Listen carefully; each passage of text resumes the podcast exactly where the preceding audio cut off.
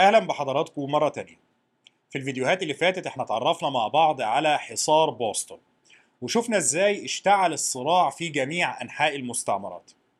النهاردة إن شاء الله هنكمل كلامنا علشان نتعرف على إعلان الاستقلال. خليكم معانا. زي ما شفنا في الفيديو اللي فات الملك جورج الثالث بيصدر إعلان تمرد المستعمرات يوم 23 أغسطس سنة 1775 أخبار الإعلان ده بتوصل للمستعمرات بعد شهرين تقريبا وبحلول شهر نوفمبر بيكون الصراع اشتعل في كل المستعمرات ال 13 الصراع ده ما بيطولش زي ما قلنا وبيتم حسمه بحلول بداية سنة 1776 مع بدايات السنة الجديدة بيكون الميليشيات أو القوات المؤيدة للثورة استولت بشكل فعلي على المستعمرات ال 13 تقريبا. وطردت منها المسؤولين والجنود البريطانيين الموالين للندن. الكلام ده بيحصل في كل المستعمرات باستثناء ماساتشوستس اللي كانت لسه القوات البريطانية متحصنة فيها في مدينة بوسطن وفي شبه جزيرة تشارلز تاون بينما الجيش القاري كان مسيطر على باقي المستعمرة ومحاصر البريطانيين في المنطقتين دول. ومع وصول الأمور للدرجة دي بقى في عندنا مسارين للأحداث لازم نتابعهم بشكل متزامن علشان نقدر نفهم التطورات اللي بتحصل. المسار الأول هو المسار العسكري.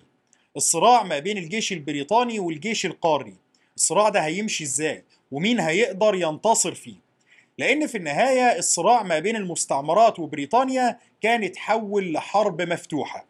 ده معناه إن المنتصر عسكريا غالبا هيكون له الكلمة الأخيرة. وهيقدر يفرض المطالب بتاعته. والمسار الثاني اللي هو المسار السياسي. الكونجرس القاري كان بعت التماس غصن الزيتون للملك جورج الثالث بيطلب منه التدخل.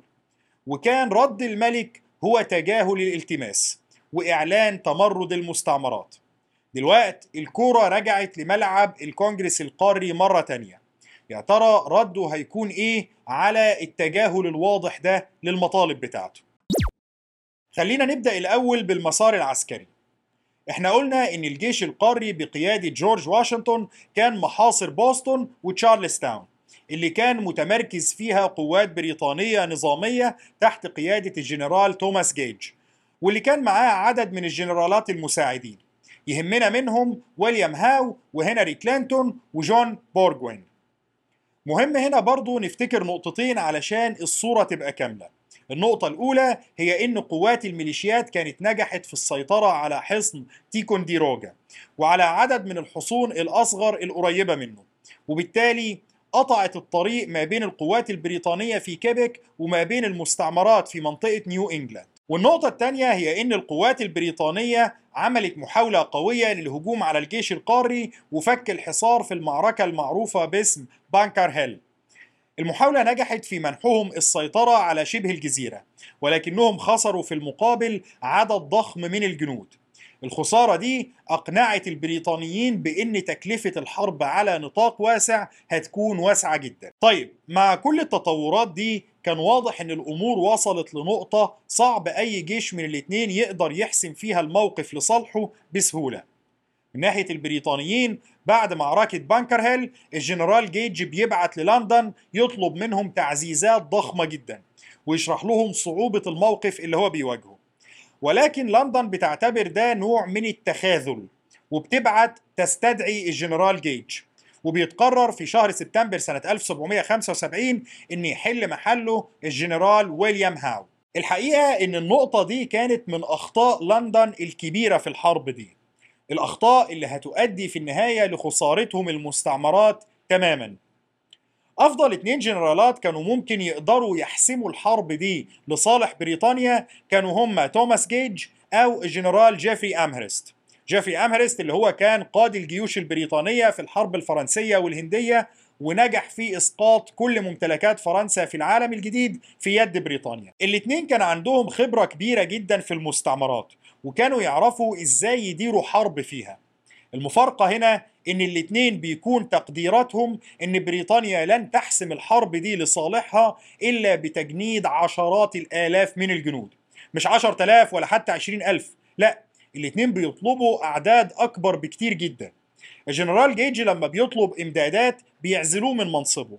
وحتى لاحقا لما موقف بريطانيا في الحرب بيبقى أسوأ وبيفكروا إنهم يعينوا جيفري أمهرست بيقول لهم إنه علشان يكسب الحرب دي محتاج 75 ألف جندي. طبعا وقتها الحكومة البريطانية بتصرف نظر تماما عن فكرة تعيينه كقائد للصراع العسكري في أمريكا الشمالية لكنها في النهاية بتخسر الحرب فعلا. هو هنا برضو في نقطة. وهو إنه ربما الحكومة البريطانية ما كانش عندها القدرة على حشد الأعداد الضخمة دي أو الإنفاق على الأعداد دي في حرب طويلة. بس في الحالة دي يبقى التفكير المنطقي هو اللجوء لحل سياسي وتقديم بعض التنازلات وتجنب الحرب من أساسها. مش لا إحنا هنفوز بالحرب دي بدون أي تنازلات ومش هنبعت غير هم 10000 جندي بس. ولكن على أي حال زي ما قلنا الحكومة البريطانية بتعين الجنرال هاو في منصب القائد العام للجيش البريطاني في المستعمرات وبيتم تكليفه بنفس المهمة وهي القضاء على الجيش القاري. ولكن الراجل كان مدرك كويس لتكلفة الهجوم المتوقع لأنه كان مشارك في التخطيط وفي تنفيذ معركة بانكر هيل. فشاف بنفسه الأمور هتمشي إزاي لو عمل هجوم واسع النطاق.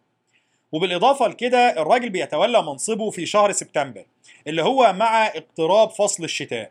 فبيفضل إن هو ينتظر للربيع. املا في إن الشتاء القاسي يكسر حماسة الجيش القاري ويهربوا من الخدمة العسكرية وتبقى هزيمتهم أسهل. وعلشان كده الجنرال هاو ما بيحاولش طوال فصل الشتاء إنه يقوم بأي هجوم واسع النطاق. الموضوع بيبقى قاصر على بعض المناوشات فقط. أما على الجانب الآخر اللي هو الجيش القاري فالصورة كانت مختلفة. الجنرال واشنطن كان شايف إن السكون ده بيضر بموقفه. الشتاء قادم والجنود بتوعه هيزهقوا وهيتعبوا. والجيش لو فضل فترة طويلة بدون أي تحرك هينفرط عقده. وعلشان كده الجنرال واشنطن كان متحمس لأنه يتحرك بشكل سريع. بحيث إنه يقدر يحقق انتصارات تدعم موقفه وتحسن من مركز جيشه. ولكن طموحات واشنطن بخصوص تحقيق انتصار سريع في بوسطن بتكون صعبة المنال. المدينة كانت محصنة جيدا والجيش بتاعه ما كانش عنده أي أسلحة ثقيلة أو مدفعية بعيدة المدى تقدر تقصف بوسطن بشكل فعال ومن مسافة آمنة. وطبعا الهجوم المباشر كان في حكم الانتحار. علشان كده الجنرال واشنطن بيحاول إنه يركز جهوده على تحقيق انتصار عسكري في مكان آخر. المكان ده كان كندا. طبعا لما الكونجرس القاري انعقد كان في رسائل تم إرسالها لكل المستعمرات البريطانية في أمريكا الشمالية. الرسائل دي استجاب ليها 13 مستعمرة اللي هي المستعمرات اللي بتتمرد ضد بريطانيا واللي بتستقل لاحقا وبتكون دولة الولايات المتحدة الأمريكية.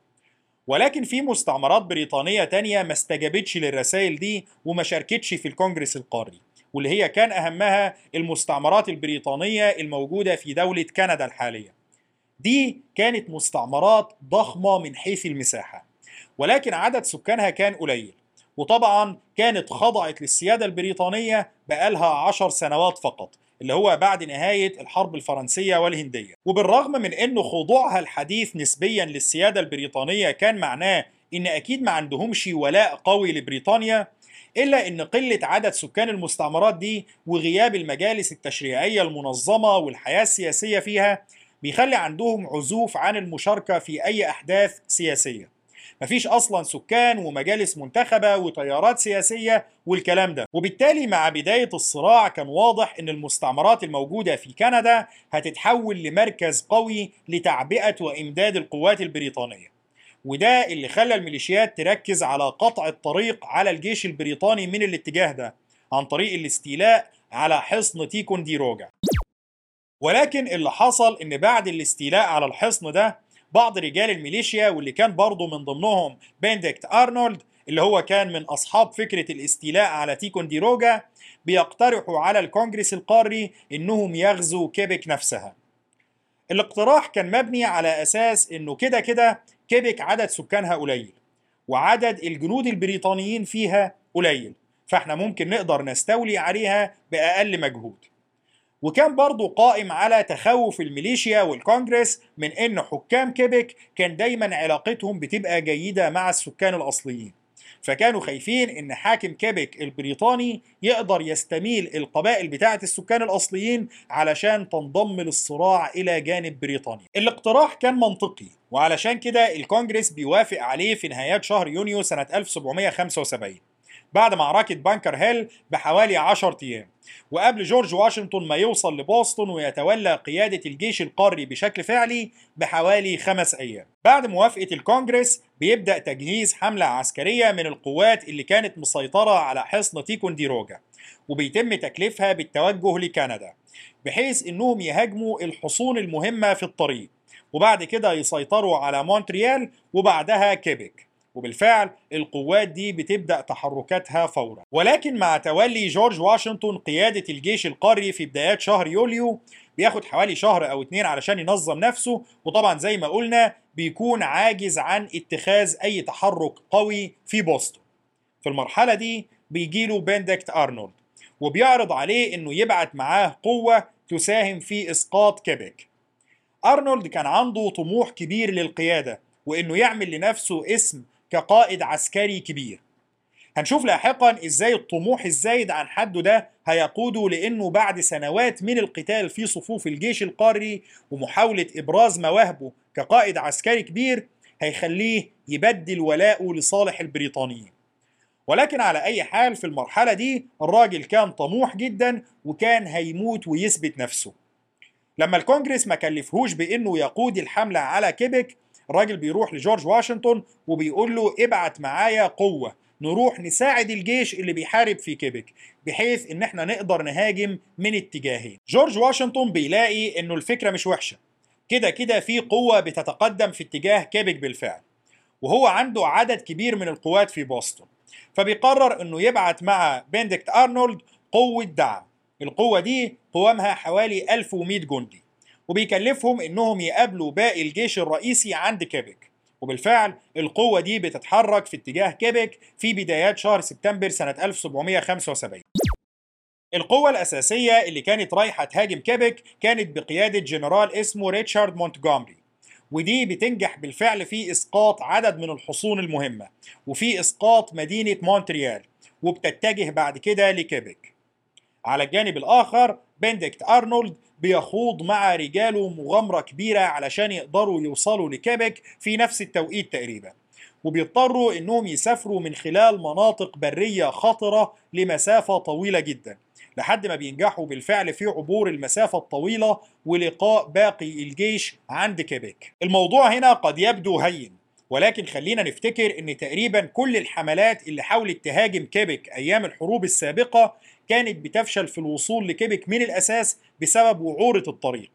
فنجاح أرنولد في الوصول ليها ده في حد ذاته كان يعتبر إنجاز حتى لو كان ما حاربش في الطريق. بس عموما مش ده المهم. المهم هنا هو إن المغامرة دي كانت قاسية جدا على أرنولد ورجاله. اللي جزء كبير منهم مات وجزء تاني قرر يسيبه ويرجع. وفي النهاية بحلول شهر نوفمبر سنة 1775 بيوصل أرنولد ومعاه حوالي 600 جندي من أصل 1100 جندي خرج بيهم من بوسطن. وحتى ال 600 جندي دول كانوا منهكين جدا من الجوع والتعب لدرجة إنهم كانوا بدأوا ياكلوا الأحذية بتاعتهم من الجوع. ده ممكن يدينا فكرة عن مدى تصميم أرنولد على إنه ينجح في مهمته. لكنه على أي حال لما بيوصل بيلاقي إن القوة اللي معاه دي غير كافية للهجوم. فبيقرر إنه ينتظر وصول الجنرال مونتجومري اللي بيوصل مع بداية شهر ديسمبر.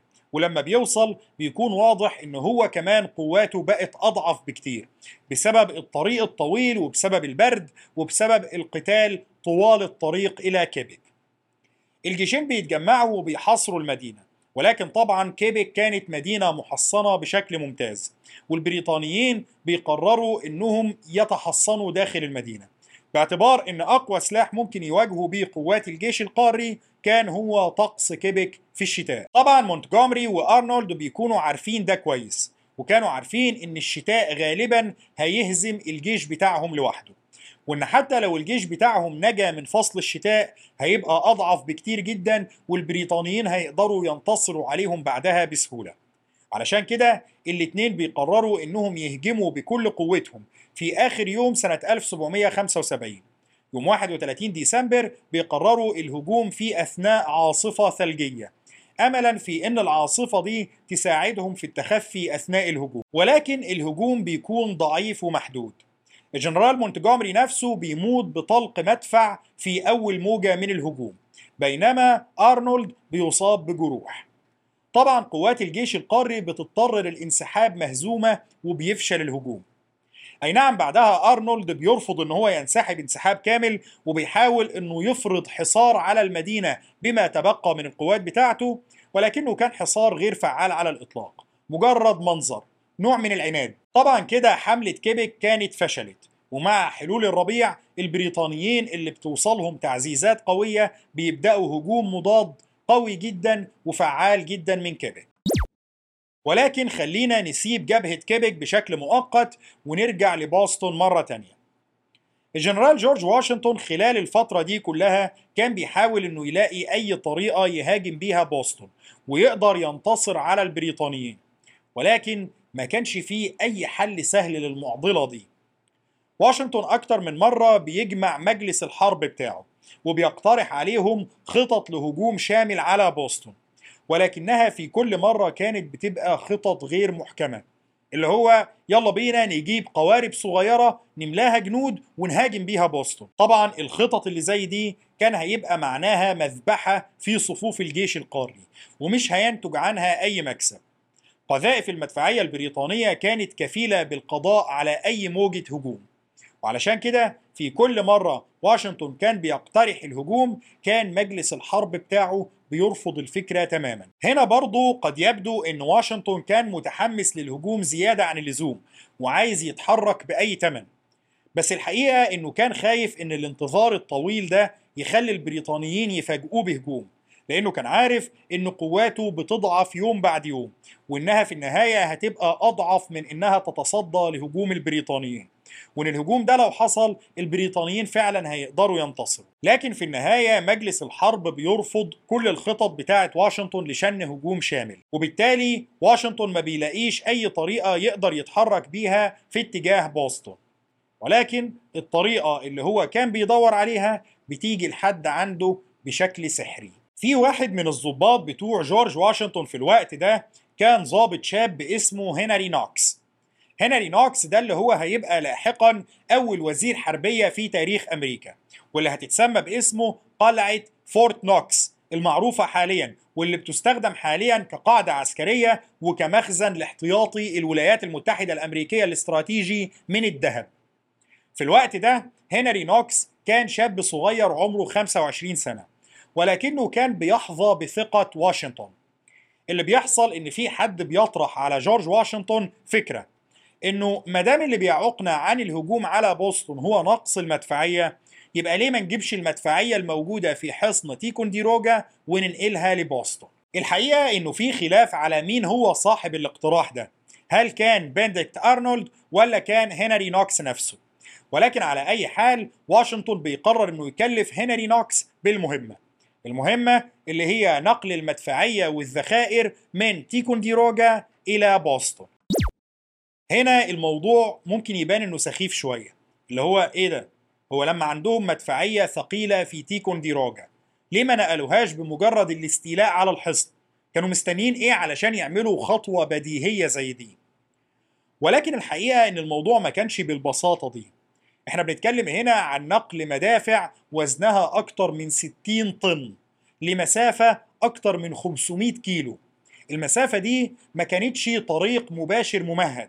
ولكن كان في جزء منها طرق وجزء هيكون عبارة عن نقل بالقوارب وجزء هيبقى في مناطق بكر ما فيهاش طريق من الأساس. والأهم من كل ده هو إن المهمة دي كان لازم تتم في فصل الشتاء في وسط الثلوج وقبل حلول الربيع.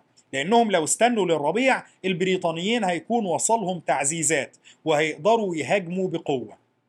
دي مهمة شبه مستحيلة. ولكن واشنطن بيكون واثق إن هنري نوكس هيكون قادر على تنفيذها. وبالفعل هنري نوكس بيتم تكليفه بالمهمة وبيتم منحه رتبة عقيد في الجيش القاري وبيتحرك لتنفيذ مهمته في شهر نوفمبر سنة 1775 في عز الشتاء. الراجل بيوصل لتيكونديروجا وبيعمل هناك حصر للمدافع والذخيرة اللي ممكن يستخدموها وبيبدأ في نقلها في اتجاه بوسطن. النقل ده بيتم زي ما قلنا من خلال عربات بتجرها الماشية. وأحيان تانية من خلال القوارب وأحيانا عن طريق زحافات ثلجية بتجرها الثيران.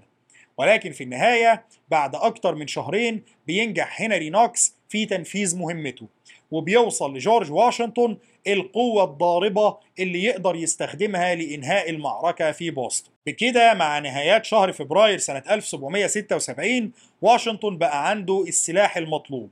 اللي كان باقي فقط هو إنه يضع السلاح ده في المكان المناسب. يوم 2 مارس جورج واشنطن بينصب جزء من المدفعية بتاعته في مقابل بوسطن من اتجاه الغرب وبيبدأ في قصف المدينة. طلقات المدفعية بتاعة واشنطن بيكون تأثيرها محدود جدا على بوسطن وبيبدأ البريطانيين في الرد بقصف مضاد. بس الحقيقة إن الموقع اللي واشنطن بيقصف منه المدينة ده كان مجرد نوع من تشتيت انتباه الخصم. واشنطن كان عارف كويس إن القصف من الموقع ده تأثيره هيبقى محدود جدا. الهدف الرئيسي اللي هو كان عايز يستولي عليه كان منطقة اسمها مرتفعات دورشستر دي كانت منطقة مرتفعة هتمنح المدفعية بتاعته القدرة على قصف كل أجزاء المدينة والميناء بلا استثناء. طبعا المنطقة دي كانت مهمة جدا من الناحية الاستراتيجية. والطرفين كانوا عارفين ده كويس. وعلشان كده خطة البريطانيين أيام بانكر هيل كانت بتشمل إن هم يسيطروا عليها. ولكن مع الخسائر الفادحة للبريطانيين في معركة بانكر هيل بيقرروا الاكتفاء بتشارلز تاون وما بيتحركوش للهجوم على دورشستر باعتبار إن هي مش هتفرق إلا لو اتحط عليها مدفعية ثقيلة. والجيش القاري كده كده ما عندوش مدفعية فيبقى خلاص بلاش نغامر ونهاجم المنطقة دي دلوقتي. وعلشان كده واشنطن بيستمر في قصف المدينة من موقع ضعيف في الغرب على مدار يومين بحيث إن هو يشغلهم عن هدفه الأساسي اللي هو مرتفعات دورشستر ويوم 4 مارس سنة 1776 جورج واشنطن بيحرك القوات بتاعته علشان تسيطر على دورشستر وتنصب المدفعية بتاعتها هناك. وبمجرد ده ما بيحصل بيكون خلاص المعركة انتهت. قذائف الجيش القاري بتكون قادرة على تدمير أي مكان في بوسطن وأي سفينة حربية بريطانية في الميناء. ولما البريطانيين بيحاولوا إنهم يردوا القصف ده بقصف مضاد الموقع المرتفع للمدافع بتاعة جورج واشنطن بتخلي مفيش ولا قذيفة بريطانية تقدر توصل لها. كده خلاص كش مات. الجنرال ويليام هاو بيفكر في إنه يعمل هجوم مضاد يستعيد به السيطرة على المرتفعات دي. ولكن بتحصل عاصفة ثلجية بتعوق الهجوم. خلال فترة السكون بتاعة العاصفة دي الجنرال هاو بيعيد دراسة موقفه وبيلاقي إن البديل الفعلي الوحيد قدامه هو الانسحاب. بس المشكلة هنا هينسحب إزاي؟ المدفعية بتاعة الجيش القاري كانت تقدر تدمر السفن بتاعته أثناء الانسحاب. ويليام هاو هنا بيبعت رسالة لجورج واشنطن يوم 8 مارس بيبلغوا فيها إن هو هينسحب من المدينة وإن أي محاولة لاعتراض قواته أثناء الانسحاب هيتم الرد عليها بإحراق بوسطن عن بكرة أبيها. لو عايزين تلاقوا مدينة اسمها بوسطن محدش يتعرض لنا وإحنا بننسحب. أي نعم جورج واشنطن بيرفض من الناحية الرسمية إن هو يتسلم الخطاب لأن الجنرال هاو ما بيخاطبهوش في الرسالة باسمه أو لقبه ولكن الرسالة بتكون وصلت بالفعل. وواشنطن بيصدر الأوامر بتاعته بعدم التعرض للجنود البريطانيين. وبالفعل يوم 17 مارس سنة 1776 بينسحب الجيش البريطاني من بوسطن على متن سفن الأسطول بتاعته وبيدخل الجيش القاري للمدينة. وبكده بيكون المرحلة الأولى في الصراع حسمت لصالح الجيش القاري. أما الجيش البريطاني فسفن الأسطول بتنقله لمستعمرة نوفا سكوشا علشان تبقى نقطة تمركزه الجديدة لحد ما يقرروا يعملوا إيه بعد كده. طيب بكده الجانب العسكري بقى واضح. عرفنا إيه اللي حصل فيه وإزاي الجيش القاري نجح في تثبيت أقدامه وحسم المرحلة الأولى من الصراع لصالحه. ولكن الأهم من كده الكونجرس القاري كان بيعمل إيه في الفترة دي. الكونجرس القاري طبعا زي ما قلنا كان بعت التماس غصن الزيتون للملك ولكن الملك رفضه. دلوقت الكورة بقت في ملعب الكونجرس مرة تانية. هل المطالب بتاعتهم هتفضل زي ما هي ولا التغير على الأرض ده هيرفع سقف المطالب؟ الحقيقة إن رفض الملك جورج للتدخل كان بيحط الكونجرس القاري في موقف صعب. أغلب الممثلين عن المستعمرات في الكونجرس كانوا رايحين بهدف تنسيق المواقف ولكن ما كانش عندهم أي تعليمات واضحة بخصوص نعمل إيه لو بريطانيا تجاهلت النداءات بتاعتنا وإزاي نقدر نصعد الموقف أمام بريطانيا. وعلشان كده مع ورود الأخبار في نهايات سنة 1775 بإن الملك أعلن عصيان المستعمرات وإنه رفض التماس غصن الزيتون الكونجرس القاري بيظهر كإنه عاجز عن تكوين رأي واضح أو رد فعل موحد على الموقف البريطاني. ولكن الموقف البريطاني ده كان له تأثير أكبر بكتير على الموقف الشعبي داخل المستعمرات. المستوطنين اللي أصابتهم خيبة الأمل من تجاهل الملك لمطالبهم كانوا منتظرين أي شخص يقول لهم إيه اللي ممكن يتعمل بعد كده. الشخص ده كان هو توماس بين. توماس بين كان مستوطن من أصول بريطانية. المفارقة هنا كانت إنه اتولد وعاش أغلب حياته في بريطانيا وهاجر للمستعمرات في العالم الجديد سنة 1774 قبل سنة واحدة من اندلاع الحرب. وبالرغم من كونه مهاجر حديث جدا إلا إن حماسه لقضية المستوطنات ضد بريطانيا كان أكبر من حماس المستوطنين نفسهم. توماس بين لما بيشوف رفض الملك والبرلمان في لندن لكل نداءات المستعمرات بيجي في أواخر سنة 1775 وبيكتب وثيقة أو كتيب مكون من 47 صفحة. الكتيب ده اللي بيتم نشره تحت عنوان المنطق السليم. الكتيب ده بيتم نشره في بدايات سنة 1776 في شهر يناير. في البداية بيتنشر بدون اسم للمؤلف ولكن لاحقا بيتعرف إن توماس بين هو المؤلف بتاعه. في الكتيب ده توماس بين بيشرح بمنتهى الوضوح والبساطة ليه لازم المستعمرات تستقل عن بريطانيا تماما. في الجزء الأول من الكتيب الراجل بيتكلم عن مفهوم الحكومة في حد ذاتها وإيه الفرق ما بين الحكومة والمجتمع. وبيوضح إن وجهة نظره إن الحكومات هي شر لابد منه. الحكومات عموما مش حكومة بعينها. الحكومات هي شر لابد منه علشان تسهل إدارة المجتمع. الراجل برضه بيتطرق بعد كده للوضع في بريطانيا وإن إزاي الملك هو طاغية وإن النبلاء الإنجليز هم أيضا طغاة من نوع آخر. لأن سواء الملك أو النبلاء الطرفين ورثوا المناصب بتاعتهم دي بدون أي مجهود وبدون استحقاق. وإن النظام ده ببساطة هو إنهم بيتحكموا في الشعب بدون وجه حق. الراجل بعد كده بينتقل لتفنيد فكرة الملكية في حد ذاتها وإن سلطات الملك بتعارض فكرة المساواة بين البشر وبيستشهد بأكتر من نص إنجيلي بيدعم الفكرة بتاعته. وبعدها بينتقل لتفنيد فكرة الملكية الدستورية اللي كانت سائدة في بريطانيا في الوقت ده واللي كانت بتنص على إن البرلمان بيحد من سلطة الملك وبيخليها سلطة مقيدة. وبيقول إن حتى بعد تقييد سلطات الملك لا تزال السلطات دي ضخمة جدا وإن ملهاش لازمة أصلا إن السلطات دي تكون موجودة. بعد كده الراجل بيدعو المستعمرات الأمريكية إنها تستقل تماما عن بريطانيا وإنها تكون لنفسها حكومة جديدة بشكل ديمقراطي بعيدا عن أي سلطة للملك. الفكرة إن الوثيقة دي بخلاف كل الوثائق السياسية السابقة ما حاولتش إنها تركز على المظالم الاقتصادية أو السياسية الواقعة على المستعمرات. ولكن تركيزها الأساسي كان على فكرة التبعية لبريطانيا والنظام الملكي في حد ذاته. وده بيكون اتجاه جديد للفكر السياسي في المستعمرات. الكتيب ده بمجرد نشره في بدايات سنة 1776 بيحقق انتشار غير عادي. تقريبا مفيش مستوطن ما بيقراهوش أو بيطلع على محتواه.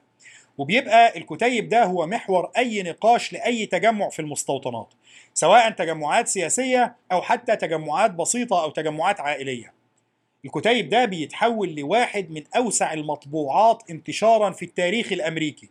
إحنا هنا مش بنتكلم عن التاريخ الأمريكي من بدايته لحد وقت نشر المطبوعة ولكن إحنا بنتكلم عن التاريخ الأمريكي كله لحد النهارده. ده واحد من أكثر المطبوعات اللي انطبعت في التاريخ الأمريكي كله بلا استثناء. وبالرغم من إن في أفكار تم طرحها في الكتيب ده ما بتعجبش النخب السياسية في المستعمرات لأنهم بيعتبروها إنها ديمقراطية زايدة وبيشوفوا إن الأفكار دي لو اتطبقت بحذافيرها هتنتج فوضى وهيتكون على أساسها حكومة غير فعالة إلا إن جوهر الكتيب ده اللي هو فكرة الاستقلال عن بريطانيا وتكوين حكومة غير ملكية بتلقى قبول فوري من الكل تقريبا. من أول النخب السياسية لحد المستوطنين العاديين. وعلشان كده في غضون الشهور الأولى من سنة 1776 بيكون الرأي العام في المستعمرات اتحول وبقى فيه شبه توافق على أن الخطوة المنطقية القادمة هي الاستقلال عن بريطانيا. في نفس الفترة دي اللي هي الشهور الثلاثة الأولى من سنة 1776 بيحصل أكتر من حدث بيدعموا الاتجاه ده في المستعمرات أكتر وأكتر. الحدث الأول كان قانون الحظر أو قانون التحريم. القانون ده كان قانون أصدره البرلمان البريطاني في شهر أكتوبر سنة 1775 ولكن أخباره بتوصل للمستعمرات في بدايات سنة 1776 اللي بيحصل ببساطة هو إنه الملك جورج هو اللي أصدر إعلان عصيان المستعمرات. الكلام ده حصل في شهر أغسطس سنة 1775 فالبرلمان البريطاني بيقرر إنه يترجم الإعلان ده لقوانين على الأرض. الملك قال إن دي مستعمرات في حالة تمرد. فالبرلمان بيقول خلاص يبقى التجارة معاهم ممنوعة تماما. مش المستعمرات بتهدد بريطانيا بالمقاطعة التجارية؟ طيب بريطانيا هي اللي هتبادر بمقاطعة المستعمرات تماما. وعلشان البرلمان يضمن إن المستعمرات مش هتروح ببساطة تتاجر مع دول تانية غير بريطانيا بيعلن في نفس القانون عن رفع حماية التاج البريطاني عن أي سفن بتتاجر مع المستعمرات. وبيعلن استهداف السفن دي بنفس الشكل اللي بيحصل مع أي عدو في حالة حرب مع بريطانيا. أخبار القانون ده بتوصل للمستعمرات في بدايات سنة 1776 في نفس التوقيت اللي بينتشر فيه كتيب المنطق السليم. وبمجرد المستعمرات ما بتسمع عن الخبر ده بتعتبر إن بريطانيا أعلنت الحرب على المستعمرات بشكل رسمي. اللي حصل فعلا كان هو نفس بنود إعلان الحرب تقريبا.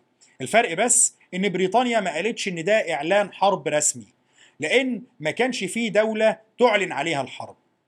ولكن المستعمرات بتشوف إن ما دام بريطانيا أعلنت الحرب فهي في الوقت نفسه أعلنت بشكل غير مباشر إن المستعمرات دي ما بقتش جزء من أراضيها. وإن بريطانيا بالقانون ده أعلنت استقلال المستعمرات حتى قبل المستعمرات نفسها ما تقرر إن هي تستقل. في نفس التوقيت ده بتوصل أخبار جديدة للمستعمرات إن بريطانيا بدأت في جهود واسعة لتجنيد مرتزقة ألمان للقتال جنبا إلى جنب مع الجيش البريطاني في المستعمرات. ودي بالنسبة للمستوطنين كانت جريمة لا تغتفر. الفكرة أن المواطنين في بريطانيا ما كانوش متحمسين أبدا للقتال في المستعمرات. هما في الأول وفي الآخر بيعتبروا أن المستوطنين دول بريطانيين دول زيهم. كان في تعاطف كبير مع المستوطنين في بريطانيا نفسها خصوصا وإن المستوطنات ما كانتش بتمثل أي تهديد لبريطانيا بشكل مباشر. البرلمان كان زعلان منهم دي قصة تانية ولكن المواطن البريطاني ما كانش شايف إن الناس دول بيمثلوا أي تهديد مباشر له أو بيضروه بأي شكل من الأشكال.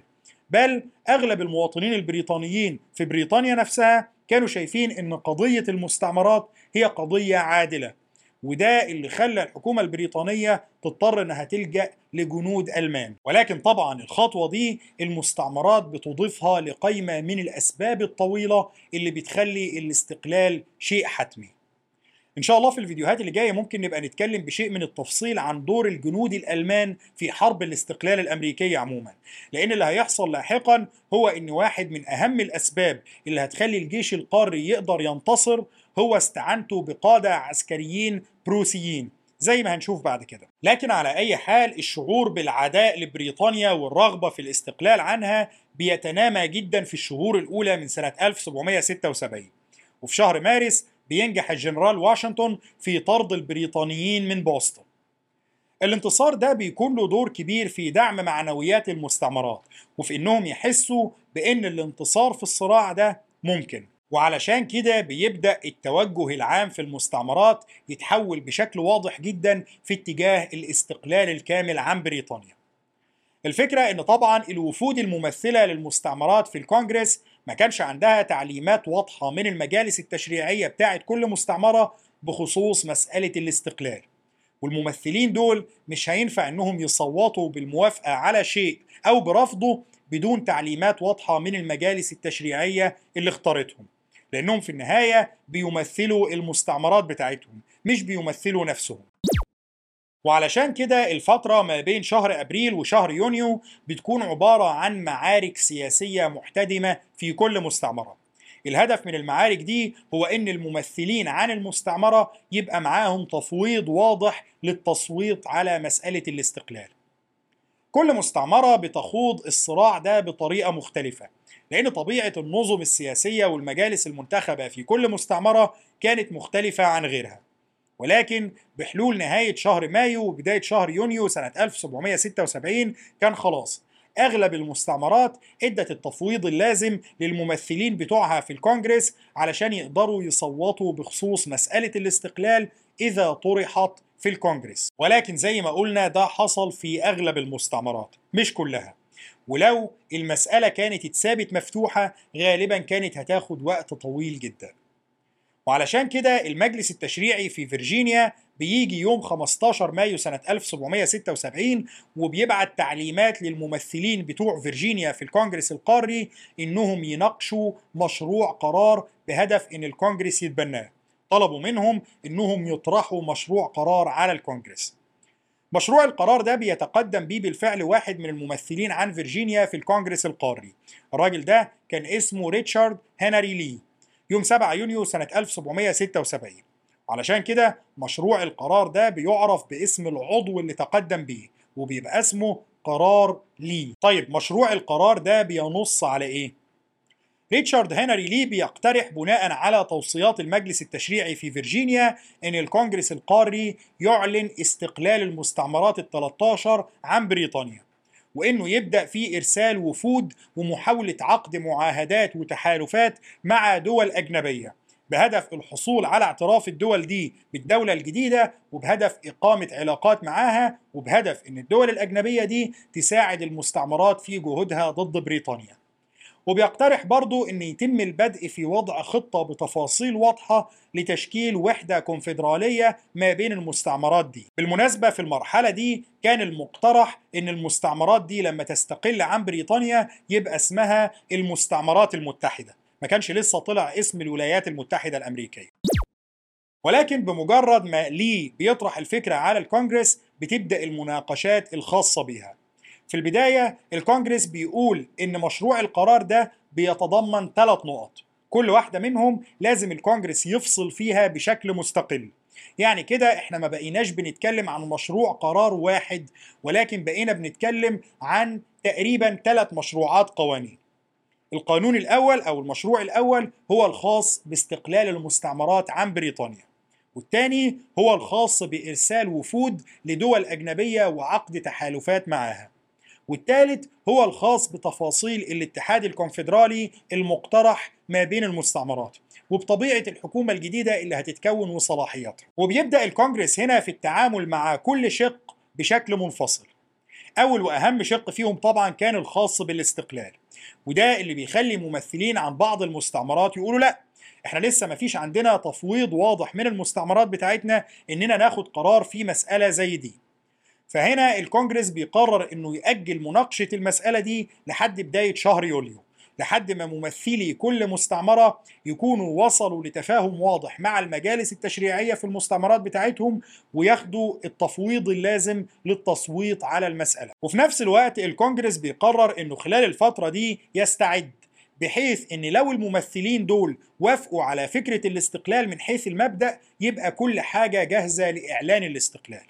وعلشان كده الكونجرس بيقرر إن هو يشكل ثلاث لجان. اللجنة الأولى كانت مكونة من خمس أفراد اللي هم جون آدمز وبنجامين فرانكلين وتوماس جيفرسون وروبرت ليفينغستون وروجر شيرمان. ودي كانت مهمتها هي صياغة مسودة لإعلان الاستقلال بحيث إن يبقى في وثيقة جاهزة للكونجرس يناقشها إذا تمت الموافقة على مسألة الاستقلال من حيث المبدأ. وبيكون في لجنتين تانيين بيتم تشكيلهم. واحدة كانت برضو مكونة من خمس أفراد بهدف دراسة مسألة التواصل مع دول أجنبية والحصول على دعمها واللجنة الثالثة كانت مكونة من ممثل عن كل مستعمرة لدراسة موضوع الاتحاد الكونفدرالي وسلطات الحكومة الجديدة. ولكن اللجنتين دول بياخدوا شوية وقت لحد ما بيتوصلوا لشيء ملموس.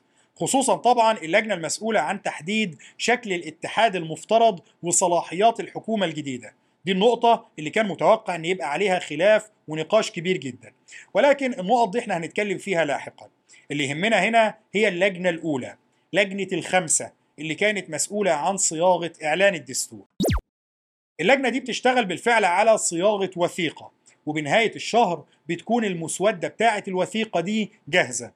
يوم 28 يونيو سنة 1776 توماس جيفرسون بيقدم المسودة دي للكونجرس طبعا خلال الفترة دي بيكون ممثلي كل مستعمرة حصلوا على الإذن من المستعمرات بتاعتهم بالتصويت على المسألة دي.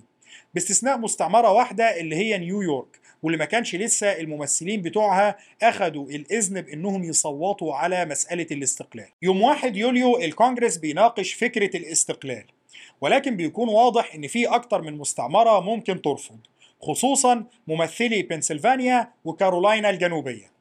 فبيتم رفع الجلسة في اليوم ده في محاولة للوصول إلى حل توافقي. خلال اليوم ده بيحصل شوية نقاشات بتنجح في إقناع ممثلي كارولاينا الجنوبية بالموافقة على مشروع القرار. بينما ممثلي بنسلفانيا بيستمر اتنين منهم في الرفض. وكوسيلة لتجنب إنهم يصوتوا بلا بيتم إقناعهم بالغياب في جلسة التصويت بحيث إن أصوات الباقين من ممثلي بنسلفانيا تكون بالموافقة. وده اللي بيحصل بالفعل. في النهاية بيتم التصويت مرة تانية على مشروع قرار ليه يوم 2 يوليو سنة 1776 والقرار بيحظى بدعم 12 مستعمرة من أصل 13 المستعمرة الوحيدة اللي بتمتنع عن التصويت كانت نيويورك لأن ممثليها ما كانش عندهم السلطة للتصويت لا يقدروا يقولوا آه ولا لأ. ولكن على أي حال المجلس التشريعي في نيويورك بيعلن دعمه للقرار بشكل رسمي بعد أسبوع يوم 9 يوليو. وبالتالي بيكون ال 13 مستعمرة وافقوا على القرار. طبعا بمجرد الموافقة على القرار الكونجرس بيناقش مسودة إعلان الاستقلال اللي كانت لجنة الخمسة جهزتها. المناقشة دي بتحصل يوم 3 يوليو. وبعد تعديلات طفيفة بيتم الموافقة على صيغة الإعلان ده يوم 4 يوليو سنة 1776 الإعلان ده اللي هو إعلان الاستقلال. طبعا وقتها ما كانش اسمه إعلان استقلال الولايات المتحدة الأمريكية. ما كانوش لسه استقروا على اسم الدولة الجديدة. ولا على شكل الاتحاد اللي هيتكون ولا على أي تفاصيل. كل اللي حصل في اليوم ده هو إن في 13 مستعمرة بريطانية أعلنوا بشكل رسمي استقلالهم الكامل عن بريطانيا. إيه اللي هيحصل بعد كده؟ وإزاي المستعمرات دي هتتحول لدولة؟ ده اللي هنتكلم عنه في الفيديو اللي جاي إن شاء الله. شكرا لحضراتكم وإن شاء الله نكمل كلامنا في الفيديو اللي جاي.